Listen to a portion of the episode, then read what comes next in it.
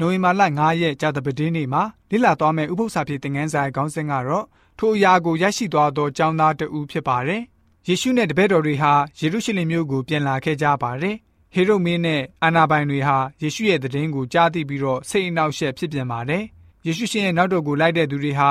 ဆင်းရဲသားတွေနဲ့အောက်တန်းလူအလွာတွေဖြစ်နေကြပြီးတော့အပြောင်းလဲတစ်ခုခုဖြစ်ဖို့လူလားနေကြတဲ့သူတွေဖြစ်ပါတယ်။ယေရှုရှင်ဟာအရာအလုံးရဲ့အထက်သူအလိုချင်ဆုံးအရာကတော့ လောကသားတွေကိုမျှော်လင့်ခြင်းပေးဖို့ပဲဖြစ်ပါတယ်။အခုမှကတော့ယေရှုရှင်ဟာသူဟာတည်နေပါတယ်။အာနာပိုင်တွေအစိုးရတွေဟာသူဘေးရာကိုပဲလို့လို့တားဆီးနှောက်ယှက်ဖို့အစဉ်နဲ့ရှိနေကြပါတယ်။ယေရှုရှင်အောင်မြင်မှာကိုလုံးဝလူလားခြင်းမရှိကြပါဘူး။သခင်ယေရှုရဲ့တပည့်အရင်သူ့ရဲ့ចောင်းသား12ယောက်ရှိပါတယ်။ယေရှုရှင်ကိုမျက်ခြေမပြတ်ကြည့်နေကြပါတယ်။သူတို့တွေဟာယေရှုရှင်နဲ့အတူရှိနေစဉ်အတွင်းမှာပဲတလွဲအမြင်တွေရှိကြပါတယ်။ တနည်းအားဖြင့်မျက်စိကန်းနေတယ်လို့ဆိုနိုင်ပါတယ်။ဆရာသခင်ယေရှုရှင်ဟာသူ့ចောင်းသားတွေကိုစိန်ခေါ်မှုပြုထားပါတယ်။ရှေ့ရင်ဆိုင်ရမယ့်အခက်အခဲတွေကိုမြင်တတ်ဖို့တတိနဲ့ကြည့်ရှုခိုင်းပါတယ်။အတိပယ်ကတော့တပည့်တော်တွေဟာသူနဲ့အတူရှိနေတဲ့အတိုင်းဝိညာဉ်ရေးမျက်စိပွင့်ခြင်းမရှိသေးပါဘူး။အစစ်အမှန်ဘယ်အရာဖြစ်တယ်ဆိုတာကိုသူတို့တွေဟာမမြင်တွေ့ကြသေးပါဘူး။ယေရှုရှင်ဟာ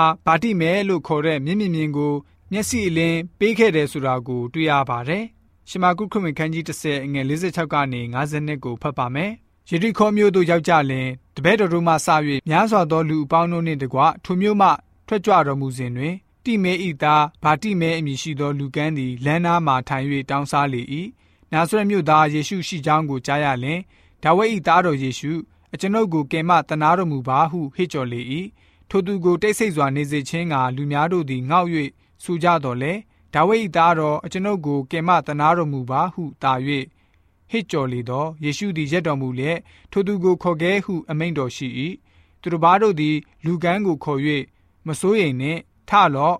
တင့်ကိုခေါ်တော်မူသည်ဟုဆိုကြ၏ထိုသူသည်မိမိအဝတ်ကိုခြုံပြီးလင်ထ၍ယေရှုထံတော်သို့သွား၏ယေရှုကလည်းတင်၌အဘယ်သို့ပြုစေလိုသနည်းဟုမေးတော်မူလင်အရှင်ဖျားအကျွန်ုပ်မျက်စိမြင်စေခြင်းကပြုတော်မူပါဟုလူကန်းလျှောက်လေတော် ယေရှုကသွားလော့သင်၏ယုံကြည်ခြင်းသည်တင့်ကိုကယ်မပြီဟုမိန့်တော်မူ၏ထိုခဏချင်းတွင်ထိုသူသည်မျက်စိမြင်၍လမ်း၌နောက်တော်သို့လိုက်လေ၏ဆိုပြီးတော့တွေ့ရပါတယ်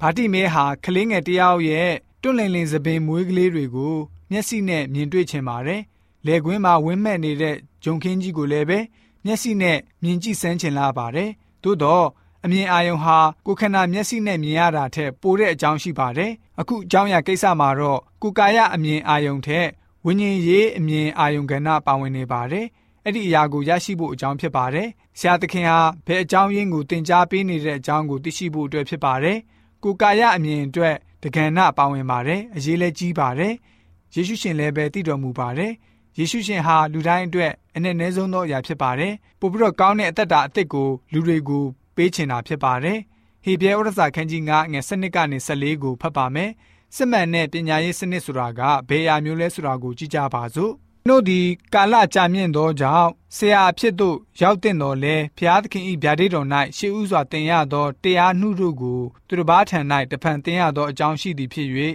ကြည်ခဲသောအစာကိုမတုံးဆောင်နှုတ်ကိုသာတုံးဆောင်ရသောသူဖြစ်ကြ၏နှုတ်ကိုသာတုံးဆောင်သောသူမည်ဒီကသူငယ်ဖြစ်သောကြောင့် ဖြောက်မှတ်ခြင်းတရား၌လိလာခြင်းမရှိကောင်းကျိုးမကောင်းကျိုးကိုပိုင်းခြား၍သိနိုင်သောဉာဏ်ပေးတတ်သောအကြအမြင်အတွေ့အစမ်းများသောသူဒီဟုသောဆုံလင်သောအရွယ်ရှိသောသူတို့မူကားကြေခဲသောအစာအာဟာရကိုသုံးဆောင်ရကြ၏ဆိုပြီးတော့ဖော်ပြထားပါတယ်ကျွန်တော်တို့ယဉ်ကျေးသူများအနေနဲ့မိမိတို့ရဲ့ဝိညာဉ်သက်တာမှာငြိမ်မနေဘဲနဲ့မိမိတို့ရဲ့ဝိညာဉ်သက်တာကြီးပွားတိုးတက်တဲ့ယုံကြည်သူတွေဖြစ်စေဖို့အတွက်ကြာတပဒင်းနေဥပု္ပ္ပစာဖြစ်တဲ့ငန်းစာကဖော်ပြထားပါတယ်။